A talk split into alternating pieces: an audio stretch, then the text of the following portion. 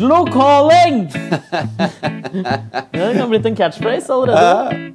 Føler du deg litt sånn internasjonal, selv om du er hjemme, liksom, når du sier 'Oslo calling'? Ja, jeg gjør på mange måter det. Også når det er Skype-vindu, og jeg har, ser meg sjøl i det lille vinduet nederst til høyre hjørne, så tenker jeg alltid også på eh, de som kommer inn på siden på Melodi Grand Prix eller Eurovision Song Contest, om du vil, og skal gi dommen fra de respektive land. Og det jeg alltid synes er så gøy, er at jeg kan ikke skjønne at vi i 2013 har såpass delay, fordi de svarer jo alltid så seint. Det er sånn OK, uh, the former Yugoslavian uh, Republic of Macedonia, can we have your votes? Og så står de der bare og ser dumme ut en stund. Yes, you can! Det tar så lang tid. Og jeg føler meg som han nå, derfor må jeg si da Oslo Calling. Ja, Det er ganske utrolig at selv om vi lager en podkast via Skype med null i budsjett, så allikevel er vi liksom mer på plass enn eh, multimillionssluket som er Eurovision Song Ja. Contest. Men du har ikke helt rett i at det er null budsjett i dag, for jeg har faktisk Jeg kom akkurat hjem. Jeg har vært ute og kjørt bil fra Toten til Oslo. Og her har jeg da åpnet meg Eller jeg har ikke åpnet den ennå, men jeg har funnet fram en Ås ankerpils som jeg tenkte at jeg skulle kose meg med. Og så har jeg ventet med å åpne den, sånn at jeg skulle lage en auditiv nytelse og danne et bilde for lytteren. Skal jeg åpne den? Ja, ja, kjør på.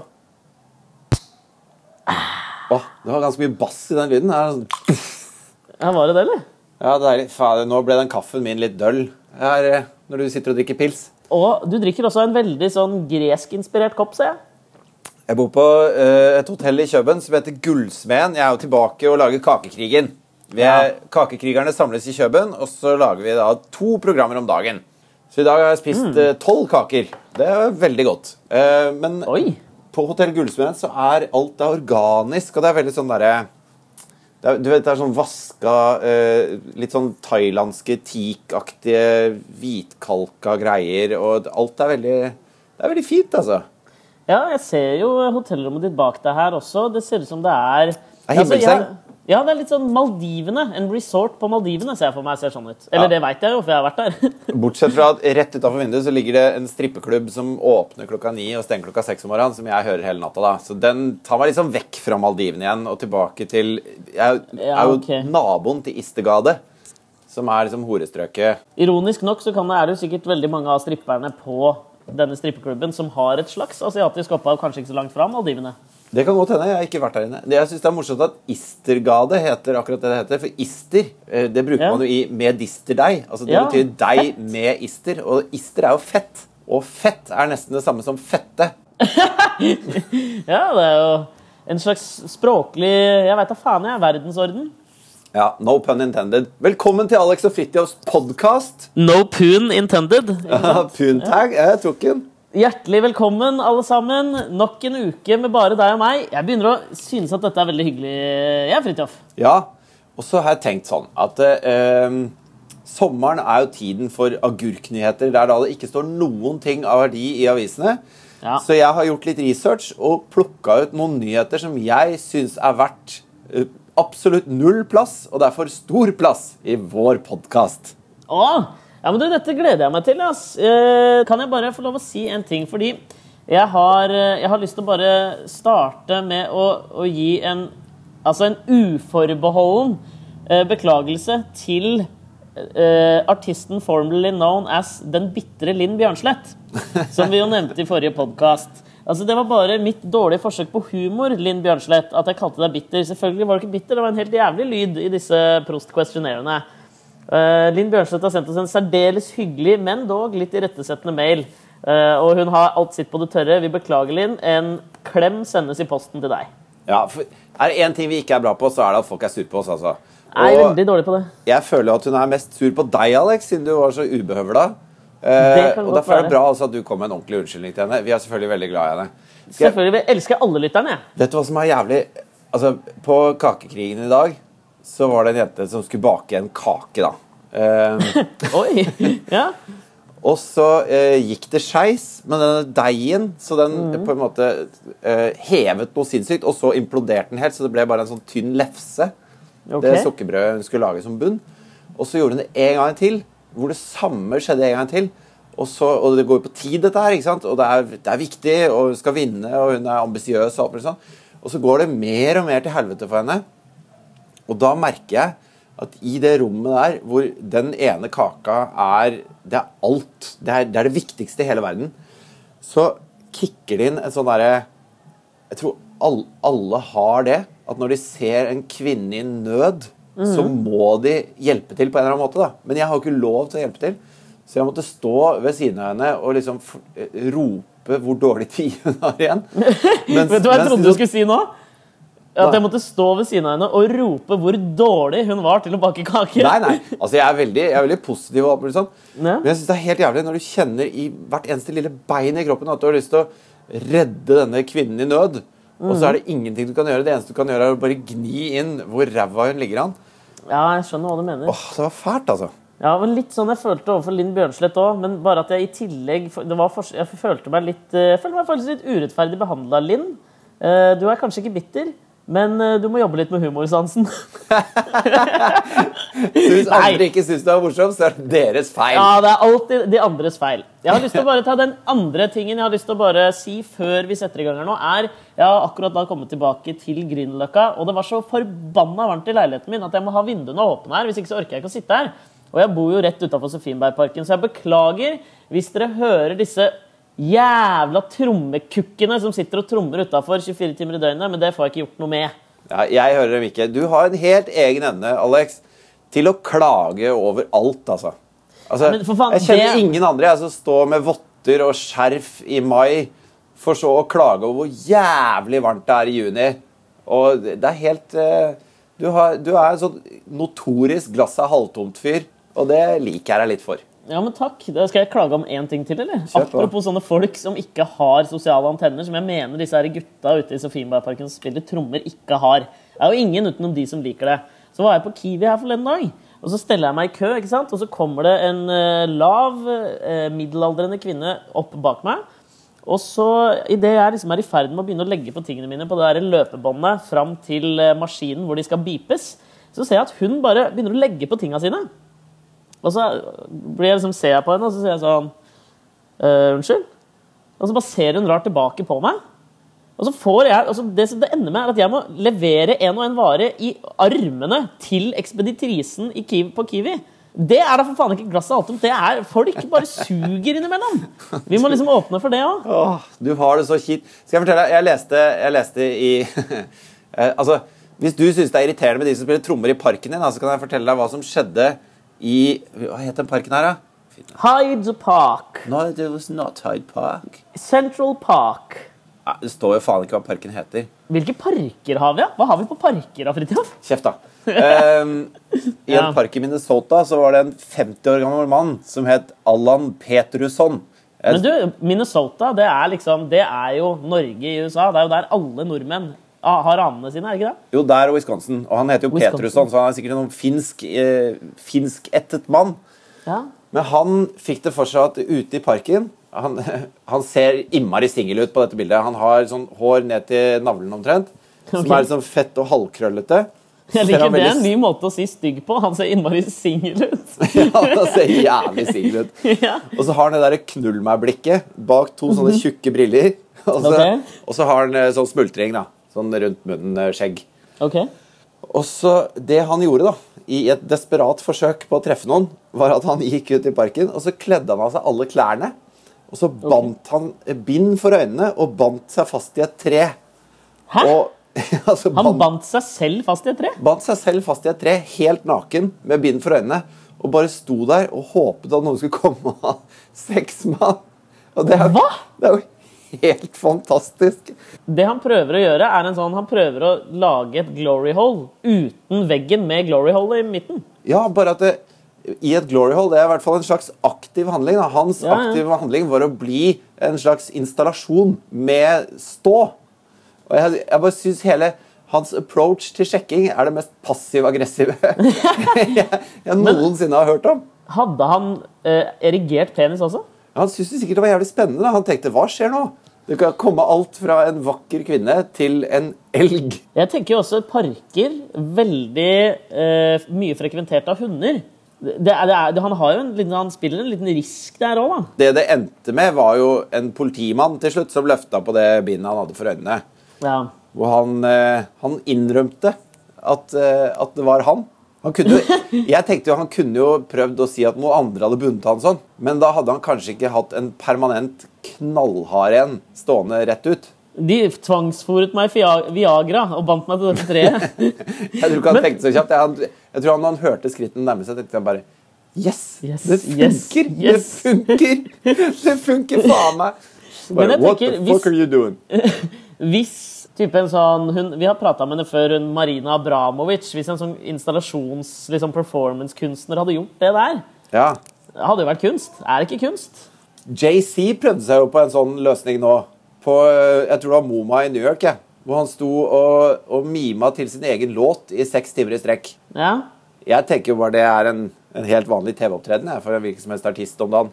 Ja At det ikke er en kunstinstallasjon å mime til sin egen låt. Det er bare å være med på Skavlan. Sa han bittert. Nei! Vi fikk ikke lov til å spille live med span på Rådhusplassen på sånn topp 20-greie. For de sa Ja. at det var for mye rigg og alt mulig sånn. da. Så vi tenkte vi skulle kødde med det, så alle stilte med bassgitarer på den live-framførelsen. Med span? Med span, ja. Ok. Så rebelsk gjort av dere. Og jeg tenkte, altså, her står man faen meg i årevis på øvingsrommet for å, for å gjøre det bra. da, ikke sant? For å spille bra og kunne levere til publikum det de er kine på. Og kunne liksom, få ut låtene sånn som man vil at de skal låte, og at musikk er levende når man, når man spiller det. Så får du faen ikke lov. Så vi ble, altså, vi tenkte det var vår lille protest, da. Problemet var jo at det var jo faen ingen som la merke til at det var tre bassgitarer. ikke sant? Så dagen etterpå så ringte jeg til VG sjøl. Ok! Og da ble de veldig interessert, altså lagde de en svær sak på det. Eh, Men så viste det seg at eh, VG-lista syntes det var helt greit at vi spilte live. Det var Universal som hadde nekta oss å spille live, så det ble jo jævlig pinlig for Universal. Dere hadde ikke Universal i ryggen, altså. Trodde dere ikke på dere? Jarle Bernhoft han synger aldri live, han. Nei. Han spilte på Conan O'Brien i går, tror jeg. Hæ, gjorde han det, eller? Ja, ja. Jøye meg. Ja, det er litt jøye meg, er det ikke Er Ja, ikke det litt jøye meg? Ja? Han, jeg har sett han har vært innom Ellen. Ja. Men det er, jeg syns det er veldig ofte sånn at liksom Når nordmenn eh, på en måte lykkes i utlandet Eller eksempel eh, Husker du den saken med hun prinsesse Madeleine som var borte i Sverige? Så hadde hun vært på en sånn En fest som var arrangert av Donald Trump på et tidspunkt. Og så slår liksom Aftonbladet opp sånn derre Sånn eh, lyktes hun å komme seg inn blant jetsetterne i New York og sånn. Sånn syns jeg ofte det er i Norge òg. At liksom sånn eh, Vi overdimensjonerer at noen fra Norge gjør et eller annet i utlandet. ja. Sånn som at jeg lager Kakekrigen i Kjøben, eller? Ja Nei, det er faktisk det er ganske svært.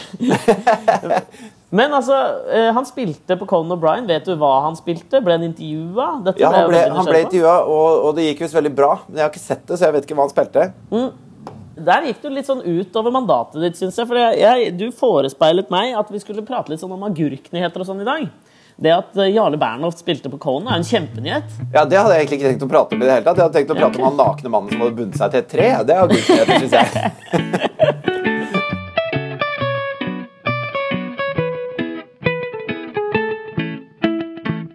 Kanskje vi skulle forklart litt altså Er det noen som kanskje ikke vet hva en agurknyhet er for noe? En agurknyhet eh, er lett å forklare. Det er på en måte når avisene har sendt alle de gode reporterne sine på sommerferie, og så sitter det et par sånne altså 20-årige Sånn som du var i VG, vet du. Jeg Sånn var nøyaktig han. nyansatt, og ingen stoler på deg. Og så når det da blir sett et dådyr på Eiksmarka, så sender de ut deg for å prøve å finne et bilde av den dådyret, og så får du ikke det, så du tar bilde av terrassen til de som har sett dådyret.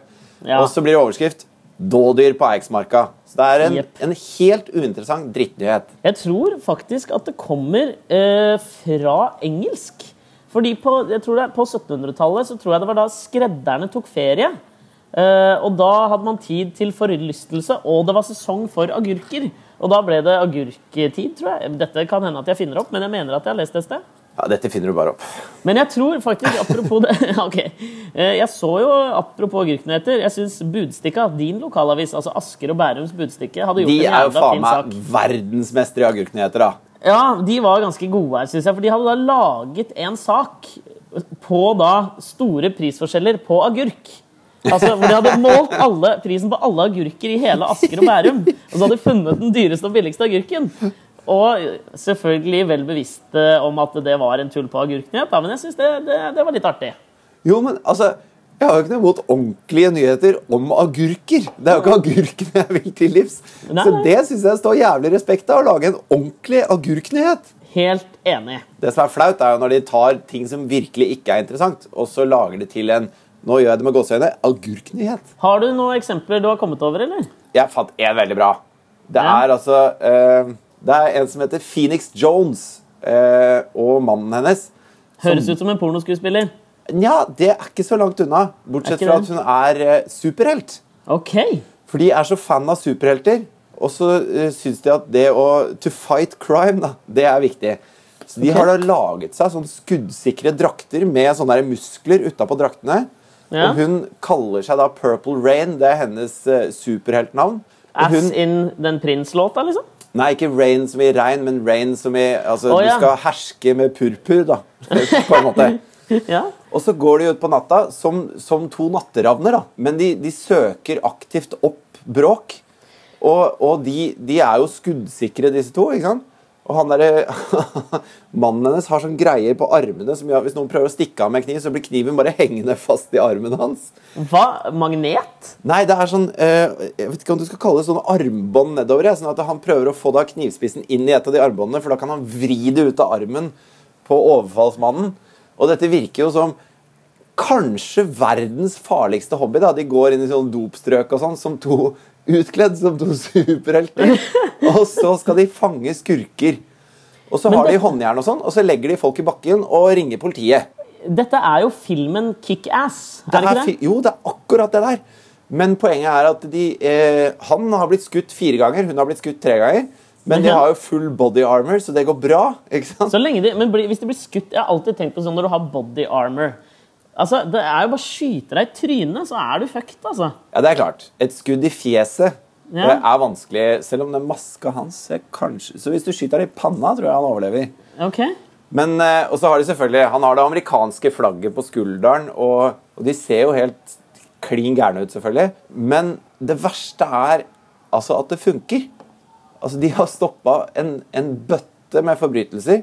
Og eh, som han sier, at hver gang jeg har blitt skutt, så er det en som ikke har blitt skutt i mitt sted. liksom. Og jeg tåler det, så det er bedre at jeg får den kula.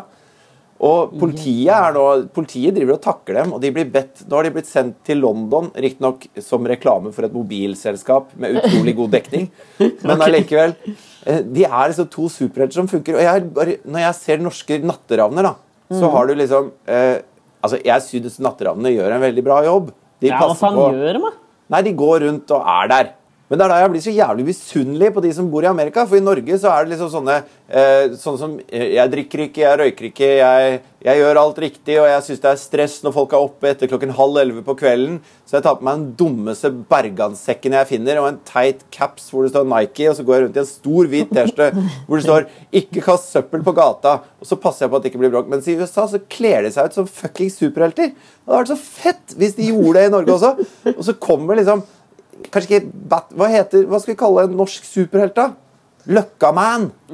Løkkaman går rundt og bare passer på at alle er snille.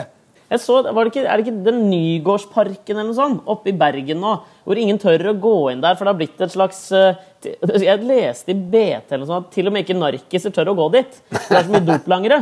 Og da var det en eller annen ting hvor jeg, det var, de mista meg på et punkt hvor jeg ikke klarte å legge to og to sammen. Ja, for, altså, Det er så mye narkolangere der at til og med ikke dopur tør å gå inn.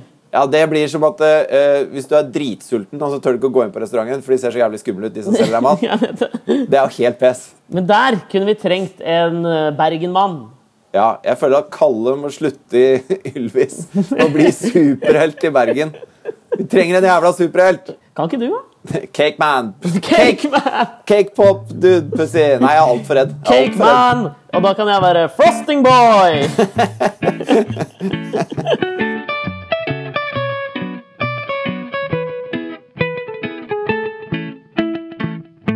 Jeg føler nesten at vi Jeg har begynt å høre veldig mye på en podkast i det siste som heter Madsson og Helins podkast. Anbefales eh, veldig til alle som ikke har hørt den. Det er eh, sjefredaktøren i Aftonbladet og sjefredaktøren i Ekspressen borte i Sverige som eh, slår seg sammen til en slags panmedial podkast hvor de snakker litt sånn om mediauken som har gått og sånn. Hvor de snakker mye om sånn hva, hva har du spanet i media den siste uken? Jeg føler at Det er nesten det vi driver med nå, at vi ripper dem off. Men det har vi jo gjort før. Ja, men Er ikke det litt sånn, der, litt sånn highbrow? Er ikke de litt sånn eh, kulturelitistiske og Nei, faktisk. Men kanskje sånn medialelitistiske. Hvis man er litt interessert i media, så er det gøy. Hvis ikke, så tror jeg ikke det er så jævlig gøy. ass. Nei. Men Så- apropos det, Ja. så har jeg spana en sak den siste uka som jeg virkelig Altså, dette er kanskje den beste saken jeg har lest i hele 2013. OK. Og den er fra mine hjemtrakter, faktisk i en avis hvor jeg begynte min journalistiske karriere, i Østlandets Blad, som dekker hele Follo. Ja. Og skal jeg bare lese tittelen på saken for deg? ja, det er ofte det som definerer en god agurknyhet, syns jeg. Ja.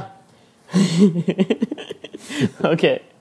Og la meg bare si først, altså. Når jeg jobba i Østlandets Blad, den første saken jeg hadde på trykk der, den var fra NM i boccia for funksjonshemmede. Så jeg vet hva langt ned på rangstigen er, altså. Okay. Jeg har skrevet mye dritt for den avisa, men dette her føler jeg tar kaka. ass. Hør på denne her. NM i boccia for funksjonshemmede. Det er veldig gøy. Første jeg hadde på trykk. Altså, Det er jo ikke så mye fysisk aktivitet som skal til for å drive med boccia. Du trenger én arm. Ja. That's it. Eventuelt så kan du jo ha en slags sånn Cato Zahl Pedersen-arm òg, fordi du trenger jo bare feste ballen. Ja, Du trenger bare en klype, egentlig. Ja. Men hvilken funksjonshemming da er det som hemmer deg? Er det sånn som fotmalerne samler seg, da? Og, Ja, men eller har du du lov til å ha armer? Jeg tror du har lov til å ha armer. altså. Jeg så ingen der uten armer. Men altså, hvis du mangler armer, du kan da hive med beina. Ja, og jeg tenker på hvis du er, La oss si at eh, jeg skal drive med eh, Hvis jeg skal tegne, da. Ja. Tegnekonkurranse. Og så uh, mangler jeg et bein. Det er ikke noe sånn veldig drawback for tegninga mi. Nei, det er sant. Jeg har tenkt ofte på det når det kommer til sånn Paralympics og sånn. Jeg Så er det, er det bare de som er for dårlige, og så skylder de på et eller annet annet?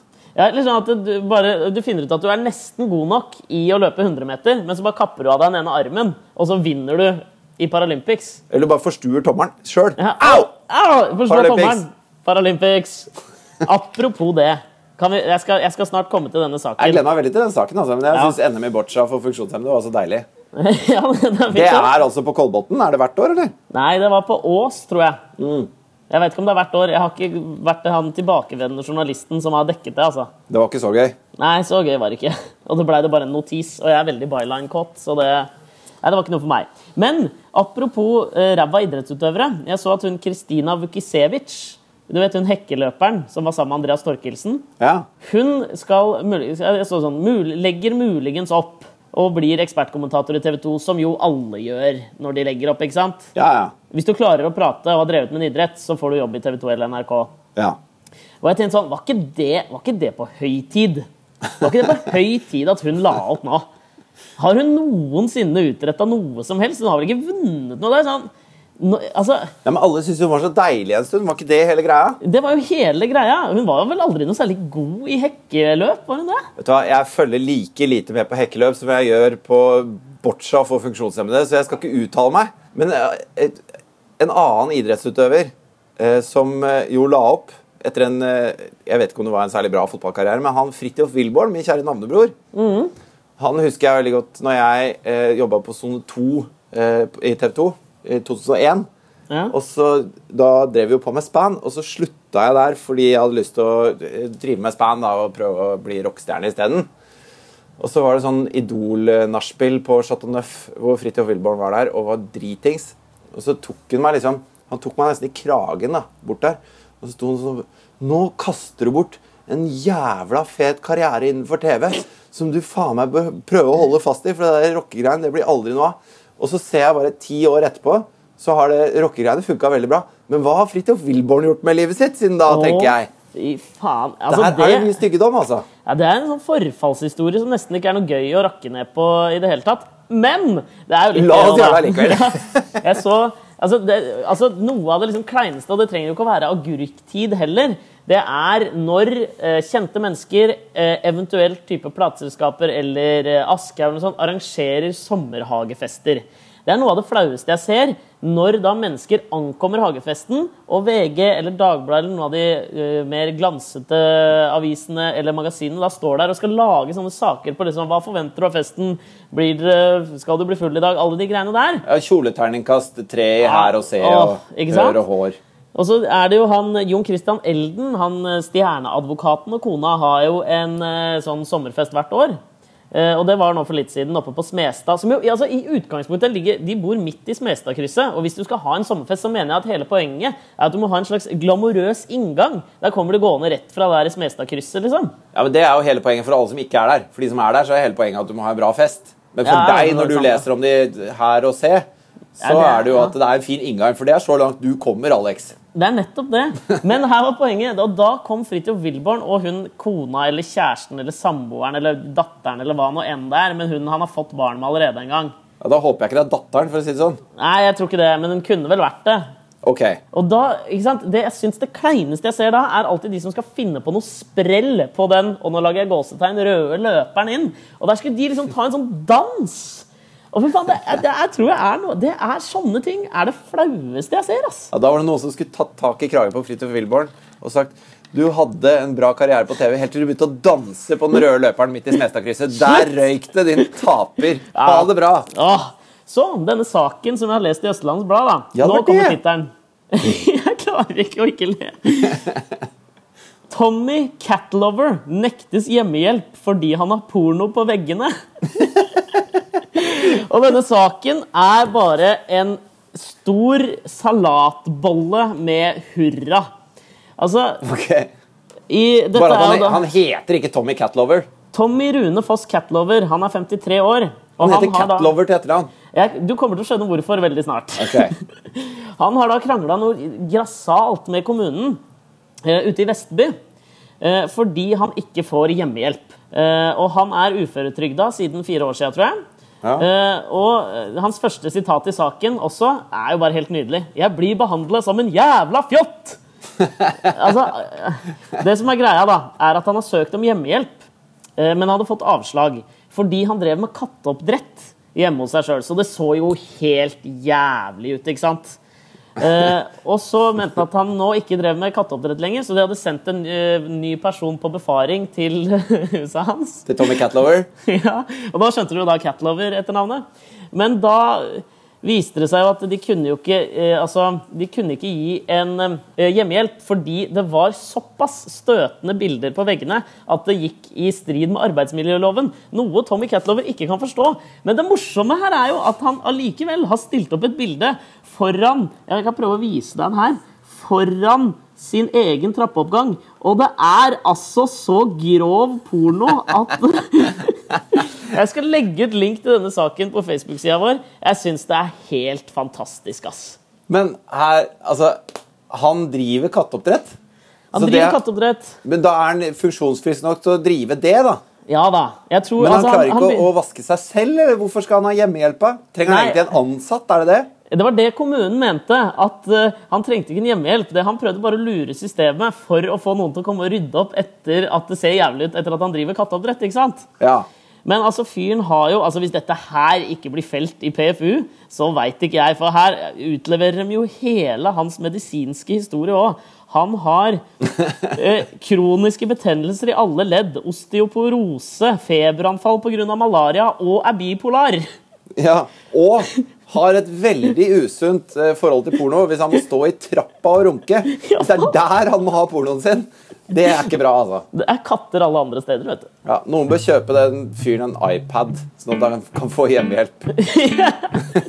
Så kan han sitte hvor han vil.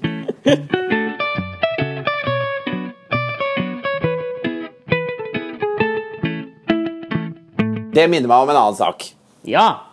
Fordi eh, Jeg kan lese overskriften her. Den er på engelsk, men det tåler du sikkert. ja og du er så blitt så internasjonal. International. Eh, Hey. man. her er overskriften. Fordi jeg, jeg, jeg syns at Tommy Catlover er det man kan kalle en jævla fjott. Som han jo selv sa. Ja. Her har du en annen fjott. Han er da eks-politimann, og så her er sakens overskrift. Skinny-dipping woman bates man while husband robs his home. Jeg skjønte ikke alle engelskordene. Hva betyr Bates? Eh, lurer, eller er eh, åte, på en måte. Ok. Så det, det som skjer, da, er at det, naboen ringer på. Ja. Og så sier hun 'Jeg ser at du har badebasseng eh, i bakhagen'. Eh, Det er så varmt. Ja, det er så varmt. Kan jeg få lov til å kjøle meg ned i bassenget ditt? ja. Og, og han er da en, en gammel ekspolitimann. Som jo er en legitim forespørsel. Ja. eh, Om enn noe uvanlig, men dog legitim. Ja, jeg bare husker Da jeg var liten, lånte ofte badebassenget til eh, naboen vår. Ja, men du, det, du ringer ikke på hos eh, en uh, pensjonist som bor ved siden av deg i en alder av uh, si 30, da. Nei, det gjør jeg ikke. Og i hvert fall ikke så går du ut i bakhagen med han, uh, og så sier du 'Er det greit om jeg bader naken?' Oi! Og så er det sånn det er sånn nyhetssak, da, hvor han sier at Jo, det, synes, det var helt greit for han, det. Så han satte seg ned i en hvit plaststol ved enden av bassenget. Mens denne kvinnen tok av seg alle klærne og svømte med rolige bevegelser rundt i bassenget hans i 25 minutter. Oi, Hun hadde overraskende god kondis til å være en såpass fjott. Ja, men hun var jo, altså, hun var jo en, en fitt dame, mens Ja. han var jo en gammel mann. Jeg Eh, skjønner. Det og gjør han- det. altså, Kan jeg bare si, Alt blir eklere når du hører ordet plaststol i tillegg. Ja, Skjønner du? en, og det er ikke bare en hvilken som helst plaststol. Det, var en, det er akkurat sånn plaststol som du forventer deg på et uh, gamlehjem, si. Ja. Men det, i tillegg var det en plastgyngestol. Så det, var, det er sånn hvit, men du kan gynge på den. vet du. Oi, Det er utrolig utrolig stilig. Så han satt der da i 25 minutter og så på denne nabodama bade naken. Eh, og mens eh, de gjorde dette slags ritualet bak i hagen, så Ja. rundstjal mannen til hun nakne dama hele kåken hans. Lempa alt han eide inn i bilen og kjørte av gårde. Og så Oi. sa hun 'tusen takk for badet', liksom. Og så hentet han et håndkle som han ga til henne. Ja, Så det håndklærne hadde han ikke stjålet? Nei, altså det hadde han tatt med ut, da. Ja, okay. og, så, og så ga han det, og så sto han og så på mens hun tørket seg, og så kledde hun på seg og gikk, og da kom han inn i huset sitt igjen og så at det var helt ribba. Og så, Ja. og så er det sånn intervju med han, da, hvor han sier at eh, han syns det er skikkelig dårlig gjort. Når han tenker at eh, her, her kan jeg prøve å hjelpe noen liksom, som er litt for varme. Og så Han ser liksom ikke i det hele tatt at han er en gammel mann som sitter i 25 minutter og stirrer på en naken dame som svømmer i bassenget sitt. Og i tillegg så er det naboen hans. Men det rare er at selv om han er politi, og dette var naboen hans, så er det nå ingen som helt vet hvem disse er. Hva? Ja, altså De har ikke kommet hjem til nabohuset hvor de bor, siden de rundstjal han. da. Jeg tenker jo, Umiddelbart så tenkte jeg for en genial måte å rane noen på. ikke sant? Med mindre du er naboen. Jo, Altså, det er to ting der. ikke sant? Men mindre du er naboen. Og jeg syns det er veldig risky, fordi det er en rar sosial setting og på en måte at han sitter og ser på at hun svømmer. Det normale ville vel vært at han OK, bare lån det, jeg går inn og lager litt lemonade til du blir ferdig. jeg. Og så kan vi sette oss ned og tørke oss sammen, liksom. Jo, men jeg er, sikker, jeg er helt 1000% for å, for å ta eh, Paradise Hotel sitt mattesystem. Ja. Eh, sikker på at han tenkte her blir det noe på meg. Når hun kommer så bare Hey there, sweet cheeks. Ja, Kanskje ikke med så mørk stemme. Og så tar hun av seg alle klærne sånn rolig. Hun har god tid og svømmer store brysttak i bassenget hans mens han bare sitter der. Og det aldrende lemmet pulserer i olabuksa hans. Uff. Poetisk sagt. Men, Men, så, så blir jo så rundlurt, og det, og det der er bare pinlig for han. da. Men da går han ut stille med navn og ansikt, og ja, jeg er eks-politimann, og jeg syns det er fælt at folk kan være så uærlige. Når det bare oser at du er en jævla gammel gris. Kjeften din! Men jeg, har, jeg, jeg lurer så fælt på den samtalen som har foregått mellom de to. Fordi han har jo ikke bare sittet og sett på. Han har jo prata med meg mens jeg har svømt. Yeah, nice breaststroke. So yes. Yes. do you know how to swim on your back, please? Yes, please. You know, a game we used to play was called the white whale. When we put our ass out of the water.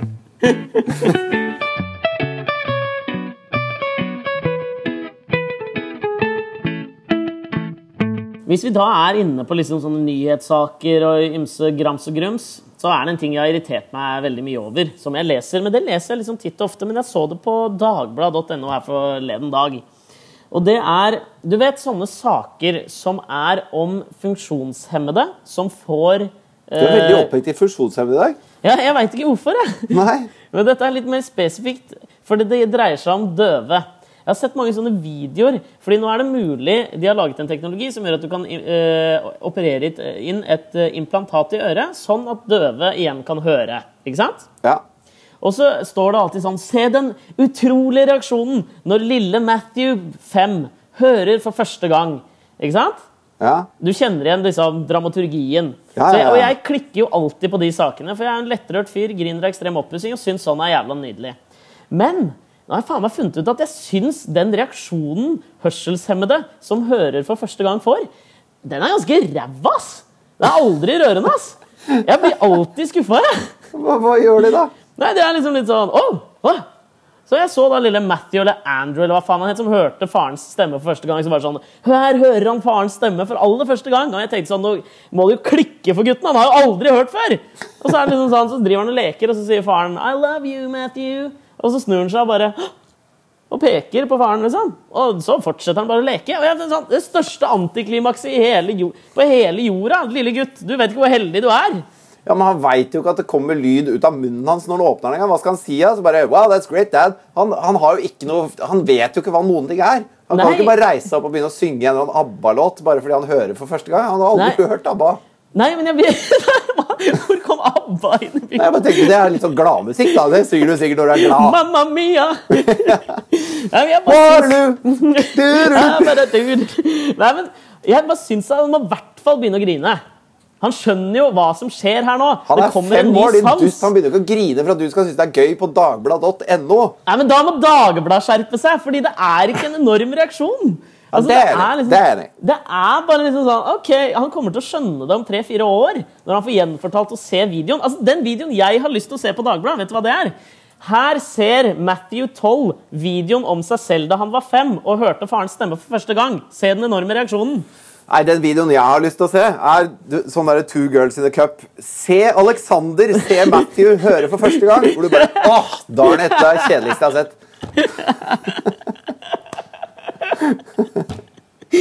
Ok, Se kjendisenes reaksjoner. Her reagerer Fridtjof Wilborn på Matthews Waterloo! Han begynner å synge med Fridtjof Wilborn er dust, altså. Douche.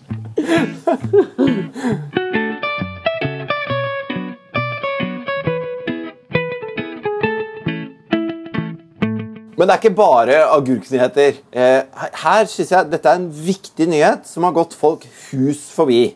Oi, handler det om Johnny Depps dødsønsker? Nei, det er ikke en viktig nyhet. Og den, den har på ingen måte gått hus forbi noen i det hele tatt. For det skrives om overalt. Ja, men fy faen, Irriterende, eller? Vi prata om det i forrige podkast, og jeg var så irritert på Johnny Depp og det Hunter S. Thompson-greiene. Jeg føler at han har bare kopiert Hunter S. Thompsons The Final Death Wish Wishes. jeg. Hver gang du sier Hunter S. Thompson, så hører jeg Huntress. Altså hun som jakter. The Huntress. Thompson. Er Huntress Thompson. Som en slags sånn derre The Warrior Woman eh, Hva het hun igjen? Sina. Sina The Warrior Woman and the Huntress Thompson. Var det ikke Warrior Princess? Jo, det var kanskje det. Samme okay, det. Ja. Altså, det er en software developer i statene Ja. som jobber for et stort firma som ikke vil navngi seg selv. Men okay. han eh, får betalt altså Det står six figures, så det er i hvert fall 600 000, da, men sikkert oppunder millionen han får Ja. betalt. I da Eh, norske kroner. Ja, I norske kroner. Jeg bare Ja. er en sånn menneskelig valutakalkulator. Jeg Jeg bare skjønte sånn, det. ferdig. Eh, I hvert fall. Forex er du. Ja, ja, i hvert fall. Det han, det han gjorde, var at han eh, outsourca sin egen jobb til noen Smart. kinesiske software-designere. Så han betalte altså en brøkdel. Han sa at det var rundt en tolvtedel av det han tjente årlig, til kinesiske software-designere som gjorde alt han skulle, og så bare leverte han det sjøl hver dag. Leverte han inn nye greier. Og, og han ble liksom employee of the month hele tida. Han var den som leverte best greier konsekvent hele tiden. Og så blir han ferska, da. Fordi at det eneste han har gjort, er å sitte på uh, Reddit og eBay hele dagen. Så det var noen som så på hans logg, da, på hans maskin, og sa at han har jo ikke gjort en dritt annet enn å skrive en sånn halv side med updates hver, liksom, mot slutten av hver arbeidsdag på hva han har gjort den dagen. Ja. Men det er jo noen kinesere som har sittet og programmert hele tida. Og så uh, får han jo sparken da, ikke sant? Og så viser det seg etter at han har fått sparken, at han har jobba Ja, faktisk det- i fire andre. Jo, vi skal til det. vi skal til det. Han har jobba i fire andre selskaper også, og han har tjent ganske godt og outsourca det også. Men der har han hatt hjemmekontor på alle de andre. Så det han har gjort, da, er egentlig å starte sin egen Han er på en måte en slags underleverandør til disse firmaene. Men Ja. det jeg stusser på, som det ikke står noe sted i denne eh, lange lange artikkelen om dette her For det står jo om han som en skurk, ikke sant? Men det er jo at det han har gjort, er jo nøyaktig det alle store firmaer gjør. Ja, ja. Jeg synes han er jo, han er jo bare smart. Han, altså, han burde jo Han burde jo altså, fått sparken. Han burde jo fått en sånn eh, virkelig employee of the month. Ja, ja. Altså Direktøren burde ringt han og bare 'Hvem er det du prater med?' liksom. Ja. Ja, altså, er, ja, her er det mange ting jeg tenker på. Det var det første. At jeg tenker, det der, der viser du en, eh, en sånn go-getter-vilje som er dritsmart. Han kunne jo spart bedriften for masse penger. Jeg ville jo liksom dytta han oppover i systemet. Ja, fordi det, hvis, hvis sjefen hadde gjort det han gjorde, så hadde ikke han hatt en jobb. Da hadde de i Kina hatt en jobb, og så hadde, så hadde det firmaet tjent tolv ganger så mye penger. Nummer to, som jeg tenkte på med en gang du sa at det var outsourcing innenfor liksom, software og det var data, så tenker jeg liksom sånn umiddelbart at det er den bransjen hvor jeg tenker der er det mest outsourcing.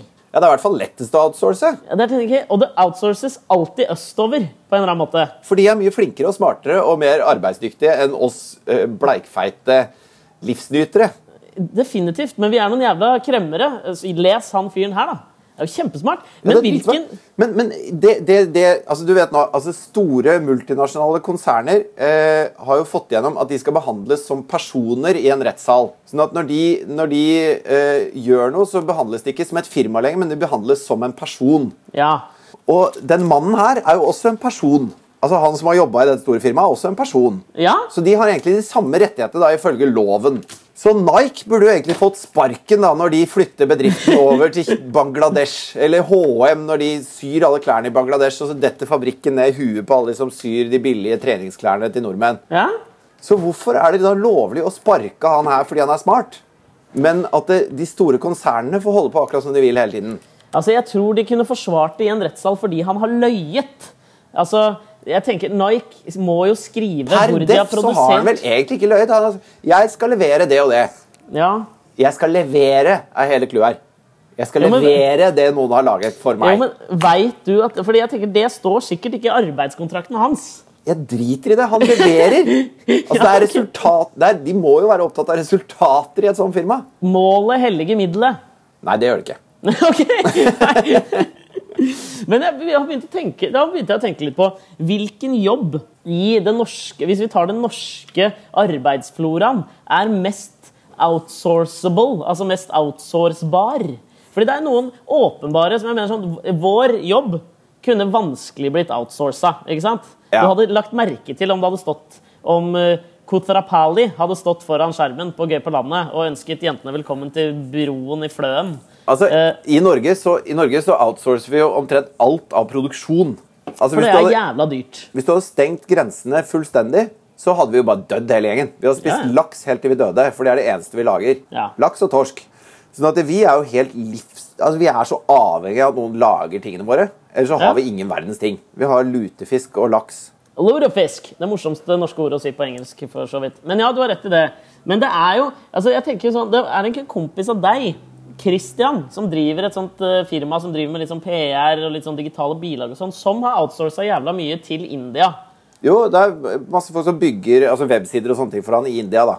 Men var det ikke han som fortalte oss en dag at han hadde måttet uh, han, han skyper da med disse gutta nede i India? Jo, dette fortalte jeg jo i podkasten. Jeg gjorde det! Hvor han lurte på hvordan man sier 'jeg elsker deg' på norsk. Og så sitter Christian midt i åpent kontorlandskap med en, en, en mannlig inder på liksom fullskjerm. Og så må han lene seg fram og si sånn 'Jeg elsker deg' til skjermen. Jeg syns det er så deilig. Det er nydelig. Men jeg tenkte videre igjen også. Vi kan egentlig bare fastslå at den mest outsourcebare jobben mener jeg er innenfor IT. Men altså, hvem, har, hvem i Norge har den mest sånn outsourcete auraen? Altså Hvis du tar enkeltpersoner, hvem outsourcer mest i livet sitt? Fordi jeg tenker sånn, Hvis jeg hadde kunnet outsource en god del ting jeg må gjøre hver dag, ja, da hadde jeg sittet igjen med mye nytelse og luksus. Altså, jeg hadde outsourca det meste, liksom. Jeg hadde Ja. outsourca tannpussen min hvis jeg kunne det. Ja, men Den kan du outsource til en sånn elektrisk tannbørste, så kan du bare stå og halsove mens den gjør jobben. Ja, Men ja, jeg tenker at kongehuset har en sånn, de, de outsourcer veldig mye av daglige gjøremål. Ja, Tett etterfulgt av kanskje Tone Damli Aaberge. Ja tror du det, eller? Ja, jeg er ganske sikker på det. Altså, Bare tenk deg. Ja. Eh, eh, mye sånn klær-shopping-ting som jeg tror folk gjør for henne. Jeg tror Ja, Stylisten, liksom. Ja, Hedda Skau. synes- Fashion Cherry. Ja, jeg syns alltid det er så teit med kjente mennesker som har stylist, og så sier, skrives det alltid at og stylisten, også hennes beste venn. Det syns jeg er så kleint. Ja, da shopper du mye, ass. Hvis Ja. de er bestevenner. Ja, så outsourcer hun med låtskriving til en viss grad. Til en viss. Du mener 100 Ja, ja tett oppimot. Ja. Ja, du slenger er kanskje inn et ord i ny og ne. Ja, jeg kommer ikke på så mye mer outsourcing. Jeg, Jeg. jeg tenker på han eh, mannen til hun Marte Krogh, hun fiolinisten og klesdama. Eh, han som var ute i litt sånn hardt vær med det der aupair-greiene. Han finansmannen, han rikingen. Ja. Han tror jeg outsource, outsourcer en god del i livet sitt. ass. Ja, og Var ikke det hun som også var litt i hardt vær? Fordi hun eh, sa at eh, altså, kvinner som ikke kom seg i form etter fødselen, var bare late, eller noe sånt? Ja, det er hardt. Det er hardt Det er ganske ass. heftig å si. Ja, Den familien der tror jeg er den mest outsourcete i hele Norge. Og så sier hun sånn Jeg skjønner ikke hva de syter for. Jeg bare drar på trening, og så ordner det seg. Jeg har en au pair hjemme, og det er ikke noe har liksom. ikke sant? Det er fordi hun har outsourca resten av livet sitt. De handler og lager middag for meg, og det er ikke noe stress. da Jeg bare står på sats og trimmer litt, liksom, så blir jeg fit som faen.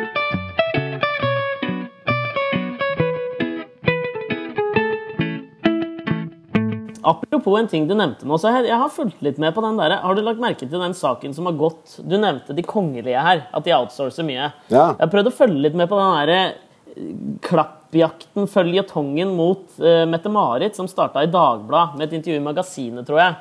Hvor det, hun blir kjørt jævla hardt på det at uh, hun har en såpass fancy garderobe som hun har. Boy! unnskyld. det var ankerpilsen, det.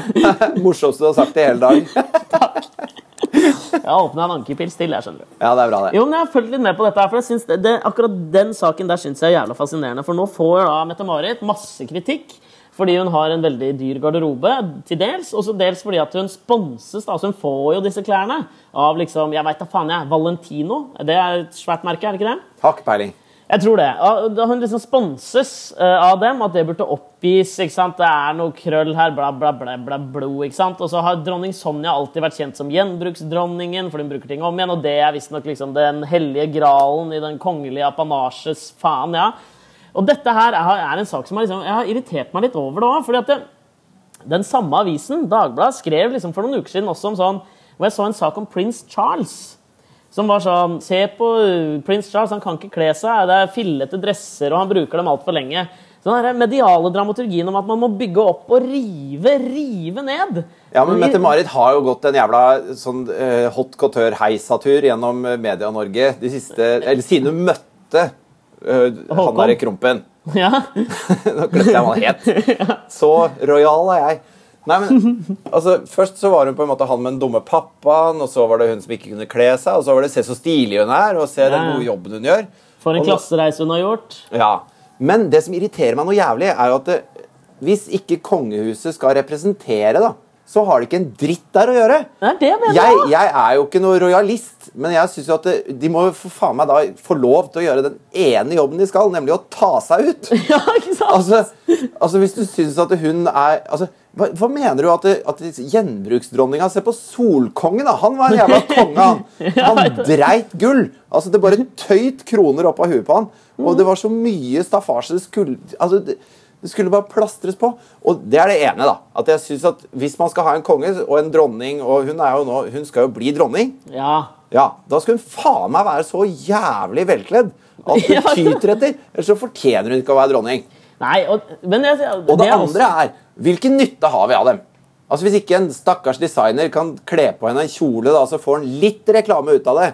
Hvorfor skal hun liksom rote i en søppelbøtte og gå i noe drittklær? Altså, hvis de kan bidra til å, å, å hjelpe til med et eller annet, så er det jo kjempebra. Nydelig. Og samtidig jeg synes det er sånn dobbelthet i det òg, for nå fikk hun plutselig kritikk. ikke sant? Det er jo alltid sånn med avisen at de smeller jo ikke av alt kruttet med en gang. ikke sant? Først så er det saken om at ok, dette er ræva, liksom, og så kommer det masse saker etter det.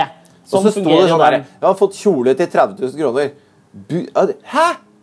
Altså, Ja, ja, men det er det jeg tenker på. Hun har fått kjole til 30 000 kroner, og så klager vi på det.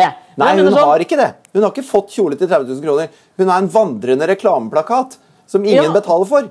Altså, Da burde det være sånn i TV-bransjen at de måtte faen meg betale henne, og at det skulle gå tilbake til statskassa fordi vi betaler apanasjen hennes. Det er akkurat mitt poeng òg. Skal vi klage over at hun får ting gratis og ikke trenger å bruke apanasjen på det? da? Det, er noe, ikke- det er noe som ikke henger på greip her. Apanasjen er et hemmelig ord for skattepenger. Så hvis Ja. vi har lyst til å betale mer skatt, så må vi kreve at Mette-Marit skal betale for Valentino-kjolen hennes. Jeg derimot syns at Valentino kan få den reklamen gratis. Så sparer jeg litt ekstra penger.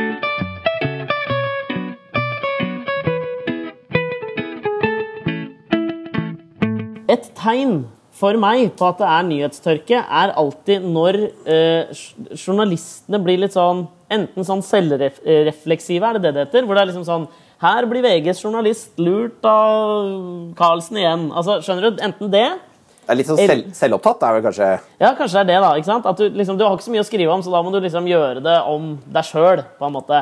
Litt sånn som vi gjør med denne podkasten her. Ja, og jeg har gjort det mange ganger mens jeg jobba i VG, så jeg vet at det gjør sånn.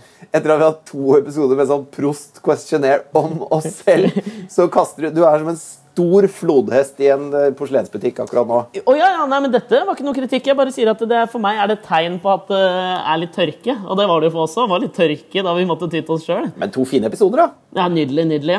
Eh, Men eh, den andre tingen er når, de, eh, når det blir sånne kjendissaker som ikke dreier seg liksom om kjendisen i seg sjøl, men det som på en måte skjer rundt. Jeg så en sånn YouTube-film her av han Dave Chappelle. Du vet han afroamerikanske komikeren? Fra Chappelle Show, ja. Fra Chappelle Show. Jævla morsom fyr, forresten. Eh, som hadde vært på en restaurant borte i Hollywood, og så hadde han gått ut for å ta seg en sigg, og der var jo da alle paparazziene. Hvor han eh, Og tittelen var sånn For å ta bilder av han, eller? Ja, ja, for å ta bilder av han, da, for de hadde fått tips om at han var der. Og så er jo tittelen alltid på sakene sånn Look how Dave Chappelle treats the paparazzi. Ikke sant? Ja. Og det som er greia da, det er en ti minutter lang video om at han står og bare røyker og røyker, og så står han og prater med paparazziene. Og for meg er det sånn, det tydelige symbolet på at det ikke er noe å skrive, fordi det han prater med dem om, er jo ingenting. Han spør jo bare dem hvordan vet dere hvor vi er hele tiden. Eh, Og så kommer det bort en fyr og tar bilde med han og alt mulig sånn. Så han er Og- hyggelig? Det er han er bare hyggelig. En mann er hyggelig mot en annen person. Er saken, liksom. Ja. Og så fikk det meg til å tenke på Husker du han Shand Torsvik? Shand Torsvik, ja. ja. Var det X-Faktor han vant? Ja, det var X-Faktor. Nei, X-Faktor. Ja. Uh, hvor jeg hørte at han Uh, helgen etter da, X-Faktor-finalen tror jeg var på en fredag. Og hele lørdag, altså på lørdagen så hadde Shand Torsvik stått opp jævla tidlig. Gått ned på Oslo City og bare gått rundt hele dagen for å liksom bli gjenkjent. Skjønner du hva jeg mener? Ja. Og det føler jeg liksom ekvivalenten på en eller annen måte. Det blir noe sånn det blir noe så lite. Det blir så innmari, innmari lite. Det minner meg så jævlig om Jeg tror det var Pål Enger, han der norske mestertyven. Ja, så når han Munch- satt hjemme i leiligheten sin Ja, han som stjal Munch. Ja. Når han satt hjemme i leiligheten sin, og så så han på TV at noen hadde gått til væpna aksjon mot Nokas, så det første han gjorde da, var bare å beine ned på Oslo S, for da visste han at det var masse overvåkningskamera. Og så gikk han rundt på Oslo S og bare sånn Det var ikke meg! Det var ikke meg! For han visste at det her blir jeg så jævlig busta for hvis det ikke er hevet over enhver tvil at det ikke var meg. Det syns jeg er litt deilig. Jeg liker det. Pål Enger Kuhl. Jeg, jeg liker han litt. Det er feil å si kul, liksom. Han er blitt kunstmaler, han. Har han det, eller? Ja, jeg tror han prøver å få til en sånn svær Han prøver til stadighet å sette sammen en svær eh, kunstutstilling et eller annet sted i Oslo. Det er jo ingen som vil ta inn bildene hans. På, akkurat på samme måte som med Vebjørn Sand, så det var ingen norske eh, gallerier som ville ta inn bildene hans. Ja, det syns jeg er litt rart. Han er jo veldig kjent. Jo, men holder det? Ja, men altså, Når han kan fylle gallerier i New York, så bør jo noen i Oslo klare å ta inn et bilde av han, tenker jeg. Jo, men han fyller, ikke, han fyller sitt eget galleri i New York. Han, jeg tror han fikk solgt ett bilde til et annet galleri. Han har laget en sånn eh, serie med, med malerier fra andre verdenskrig nå, da. Men det var ingen eh, norske som ville ta inn det. Og det kan jeg på en eller annen måte respektere. Har vi ikke fått nok av andre verdenskrig nå? Jo, men Er ikke han, er ikke han liksom vellykka, de to Sand-brødrene? Altså, Av de to Sand-brødrene så er han definitivt Amerika! For Aune har vel ikke gjort noe særlig siden den enorme Dis. kalkunen Dis. Nei, Men- jeg har aldri skjønt hva han gjør. Men apropos det med kriminelle, jeg skal bare fortelle en bitte liten historie. For vi var, eh, når jeg spilte med Madcon, så var vi på uh, Apropos kriminelle. Jeg spilte med Madcon. Nei, det var ikke det jeg skulle fra. Men eh, så var vi og spilte på noe som heter Balkan Beach Party i en time utafor Riga eller noe sånt. Ja, dere gjorde vel det. Ja. Uh, er det Latvia? Jeg, Riga er Latvia. ja, ikke sant? Det er Latvia. Som er sånn fantastisk strand. Og så skal vi spille der, og så er det tusenvis av latviere som er da på Balkan Beach Party. Og så begynner det å regne som jeg aldri har sett før. da. Én time før vi skal på scenen, og vi skal spille sånn i ellevetida på kvelden. Og så sier de at eh, Don't worry, dette blir noe av, liksom. Bare vent til det regnet er gått over. fordi at scenen holdt på å flyte ut til, til sjøs og sånn. da. Okay. Så, så vi måtte bare dra tilbake på hotellet, og klokka halv fem på morgenen så ringer de så bare 'Nå er det bra! Kom, kom hit!' Så da går vi på, og da står det fremdeles altså typ 20 000 latviere og, og har det kjempegøy der. Ble De en- har holdt ut, faktisk. Ja, de holdt ut. Latviere Eh, har kanskje ikke så mye å glede seg til. Nei, det, dette var sommerens høydepunkt, tror jeg. Ja. Så det var jo en, en jævlig kul konsert, for sola sto opp akkurat når vi avslutta. Det ble, som, det ble superkult. Men det som var litt spess, var at han onkel Skrue, vet du, han derre Ja, ja. eh, han, han norske som ble skutt i brystet oppå Ja. Hvor var det? På Ullevål eller noe sånt? Ja, det var vel det. Altså, er han, altså, det er B-gjengen, A-gjengen Jeg vet ikke hvilken gjeng han har tilhørt. Men han er kriminell. Ha, ja. Og han hadde kjørt BMW-en sin til Latvia med en kompis for å se Nadcon spille. Ja, men Så- Han er kompis av eh, Josef og eller Sjave fra Barn fra Tveita. eller noe sånt, ikke? Ja, de har liksom vokst opp sammen. Ja. Så, men, men og Josef driver ikke og henger masse med skrue, på en måte. Nei? Han, er, han driver med noe litt annet enn de. Selv om de henger jo litt med Snoop Dogg om dagen. Jeg tror han også har noen eh, svin, Svin på skogen. ja. Men i hvert fall, altså, etter den konserten, så da klokka er liksom ti på morgenen, så skal vi ha nachspiel. Oi, lang konsert, da, nå. Ja, men det, så må du rigge ned da, vet du, og komme deg ut og alt mulig sånn. Men da har vi snudd døgnet helt, og da skal vi ha nachspiel og sånn. Og så orker ikke resten av bandet, så det er, det er altså meg og Tjave og Josef og Skrue. Hva? Det er de fire som sitter på nachspiel der. Oh. Hvor de begynner å krangle, da. Om, Nei. fordi at jo, fordi at han er jo da eh, det de kaller for pakkis. Mens de, mens de er det han kaller for eh, afrikanere. ikke sant? ja, ja, jeg skjønner. Og så, og så viser det seg da, så prøver de å forklare det til meg, for jeg skjønner ikke helt uh, greia. liksom. Og så sier de at uh, de som er mest rasistiske i Norge, det er den rasismen som er mellom pakistanere og afrikanere, for de hater hverandre. Ja. Så jeg sitter da i et rom med, med disse tre gutta, hvor de krangler, og, og, og, og så finner vi ut at jeg er den eneste i det rommet som ikke er rasist. og det var en diskusjon hvor jeg følte, da jeg satt ved siden av han superskurken Skrue, at her, nå skal jeg bare sitte stille i sofaen her Nå skal du trå så innmari varsomt nå. og drikke litt grann øl og bare Ja. høre på. Det, sy- det passa meg utmerket da. Men jeg, det- jeg syns det var et spesielt nachspiel i Latvia da. Men tror du, hvis du hadde møtt han skrue på gata igjen i dag, at han hadde hilst på deg? Ja, altså, vi hadde det jo hyggelig. Shit, er ikke det litt eh, Det er litt sånn eh, Altså, Jeg syns dette er den, den mest eksotiske siden du noensinne har vist til meg. At du kjenner en superskurk. Jeg syns jo ikke det er noe fett å være en drittsekk. Og superskurker er per def relativt drittsekker. Ja. Eh, og dette prata de også mye om når jeg var der. Men de har jo en sånn greie med hvem som er sine egne, og hvem som ikke er det. på en måte. Og når Ja. jeg satt der på det nachspielet, så var jeg plutselig en av deres egne. Men merka du, La du litt om på stilen? Ble du litt mer sånn skurkete? Skjønner du litt Altså, ja. Skurkete! Jo, men man, man Altså, jeg blir jo mer Ka heavy metal kakekrigen på fem! Skjønner Ja, du? Jeg er ikke spesielt skurkete fyr. Ja, men Det var derfor jeg var så nysgjerrig. Fordi jeg, jeg, jeg, jeg klarer ikke å se for meg hvordan du skulle liksom sosialt men det vært jo, veldig ikke- til altså- stede i den situasjonen. Det er ikke som på bakrommet til Tony Soprano, da. Det er Nei. liksom, Man sitter og tar en øl og forteller Ja. noen skrøner og ler og har det gøy. Og så tar ikke jeg opp sånn derre Du, var ikke det litt dårlig gjort av deg når du skøyt han i fjeset? Altså, jeg, jeg tar liksom ikke det standpunktet der. Nei. Det føler jeg det- var farlig i utkanten av Riga på et nachspiel. Skjønner du? Ja, det er en sak for Cakeman and Frosting Boy!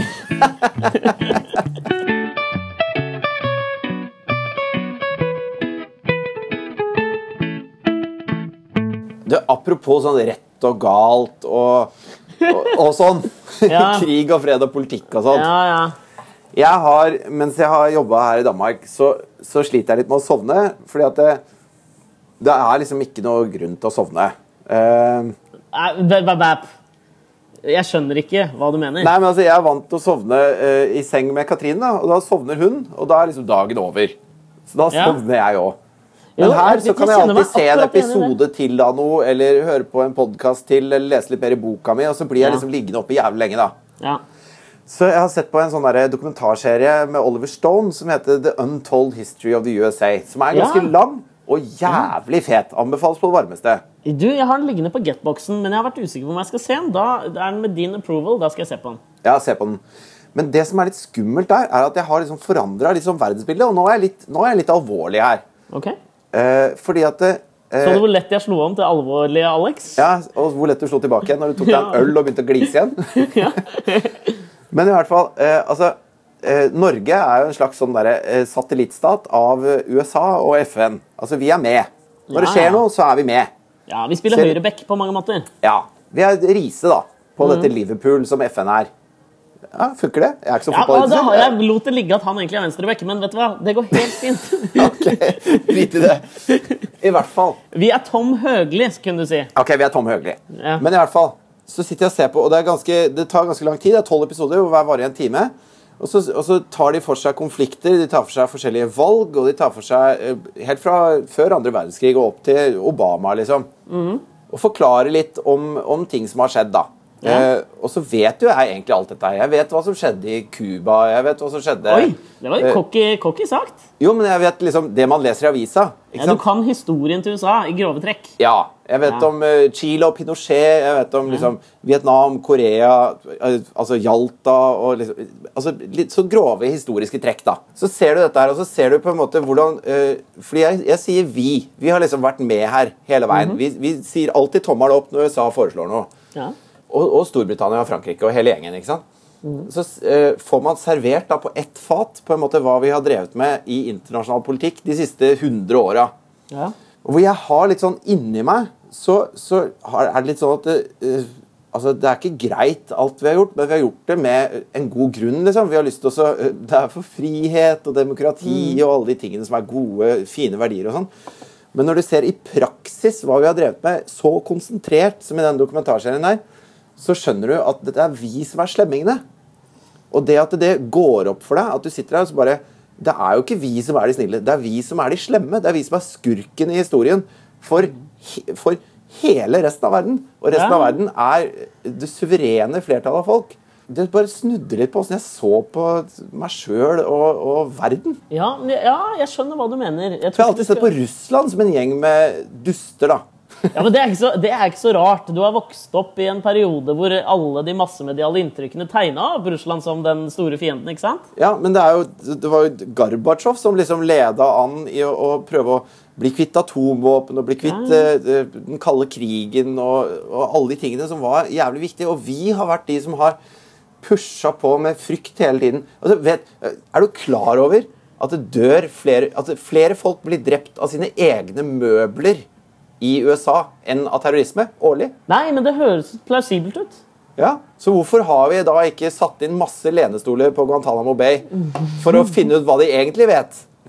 ja. Ja, Kanskje de har vært trent opp i Afghanistan, de der salongskapene som detter over folk. Jeg kan kjenne igjen det. Man kan noen ganger ved å liksom eh, Hvis du nå også så intensivt har konsumert eh, dette her, da, til Ja. Oliver Stone, så får man ofte en sånn følelse, i hvert fall jeg, hvis jeg har liksom gått dypt inn i noe over veldig kort tidsperiode, så får jeg veldig en, ofte, ofte en sånn følelse om at ok, vet du hva, jeg må, jeg må endre på noe ved meg sjøl. Og så sa du liksom at du følte litt inni deg også.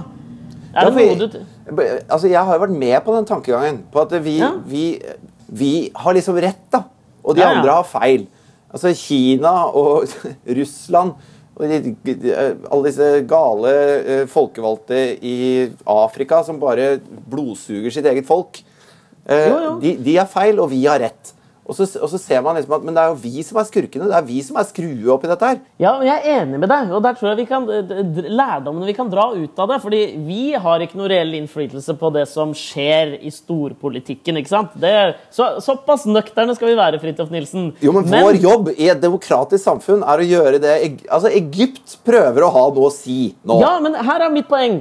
Bare på kjapt for å skyte inn her. Fordi det jeg mener at kanskje vi skal være litt sånn bevisste på, det er liksom ordene vi kjøper som vi bruker til å forklare dette her. Fordi det som du sier nå, ikke sant, er at vi har hatt en veldig sånn følelse av at det er vi mot dem alltid. Alltid så tegnes det opp. Alltid når man blir presentert med noe, så tegnes det opp et vi og dem. Ja, det er kanskje noe med at det, vi er en del av en gruppe som, som skyter på noen andre, og de skyter tilbake igjen. Det, det lager fort en sånn vi og den-stemning. Ja, det er det jeg mener. Men det er der kanskje vi kan være litt sånn bevisste på at vi ikke bare kjøper den retorikken alltid. At vi ikke kjøper retorikken på vi og dem. Hvorfor er det vi og dem? Hvorfor skal vi kjøpe at vi er mer like en gun-crazy fyr nede i Texas enn en eh, jævla software-designer som bor i India og jobber for uh, vår Christian. kompis sin bedrift? Ja, ikke sant? Ja. Det er kanskje noe vi kan begynne å tenke litt på. Ja, men Det er jeg helt enig i. Faen, jeg skal bake vafler til hele verden. Så blir alle venner. Med en gang. Altså, Du har vært på kakekrigen i hvor mange uker nå? Vet du, Jeg er blitt så god til å bake at du Ja, men det er det jeg mener! ikke. Og du, altså, Det er vafler du presenterer! Ja, men det var fordi vafler Altså, når du skal Det er noe veldig Torvald Stoltenbergsk over å servere vafler. Når du skal Nelson selge en leilighet, så setter du på vaffeljernet. Da Ja, syns alle det er koselig, bare fordi det lukter vafler der. Ja, sant. Det er ingen som er sure når det lukter vafler. ass. Du har helt rett. Det skal være en sånn, du vet, sånn liten solcellepaneldrevet håndvifte ja. og en nystekt vaffel. Så skal jeg gå rundt sånn og bare blåse vaffelduft i ansiktet på alle som er sinte. Apropos solcelledrevet vaffelvifter. Jeg så Jeg så her nå Altså, jeg tenker at budskapet til denne ukas podkast, som egentlig skulle dreie seg om agurknyheter, kan være følgende. Altså, Jeg så da også en 15 år gammel jente fra Georgia eller hvor Tadsjikistan som hadde vunnet en eller annen sånn Google sin unge forskerpris, hvor hun hadde laget en lommelykt som hadde et selvdrevet batteri. Altså Det var så teknisk at jeg ikke skjønte det engang. Og hun har liksom tatt grep. Hun har beveget seg over i Vesten. Vi må rive ned murene! Hører du det, Per Sandberg? Nå er ikke vi og dem. Vi er alle et svært jævla oss. Er det budskapet? Ja, Men hvor passer altså han derre Catman inn i dette? Nei, han er faktisk dem. Ja, han er dem. Ja, Han er Russland. han er Russland. Hun bare bomber han og blir ferdig med det, og resten kan spise vafler og kose seg. Ja. Det var en fornøyelse å prate med deg, Fridtjof. På link fra, direktelink fra København. Ja, eh, I like måte, Alexander. Jeg har en god nyhet til alle som hører på oss. Vi har bestilt noen nye mikrofoner. Så fra Ja! med neste podkast kommer det til å låte helt fuckings fantastisk av den podkasten her. Jeg gleder meg til det. Jeg merker jo også at det betyr så mye for meg når du ringte meg i dag og sa at du hadde bestilt noen mikrofoner. Så har jeg liksom gått, og det har jeg skikkelig gleda meg til å hente på Prolyd. Gratis reklame der. Bør få litt rabatt, sånn som Mette-Marit får. Ja, Hun får en slags 100% rabatt. Når du blir rojal, Ja. så blir mikrofoner en del av din apanasje. Tusen takk for det. Lik oss på Facebook. Eh, ta bilde av deg sjøl når du hører på podkasten, og legg det ut på Instagram med hashtaggen Alex og Fritjofs podkast. Og for Ja, guds og- skyld, hør på neste episode også, for den kommer til å gjør så jævlig bra. Hører du det, Linn Bjørnslett? Vi er fortsatt glad i deg. Hør på neste episode. Ha det! Ha det!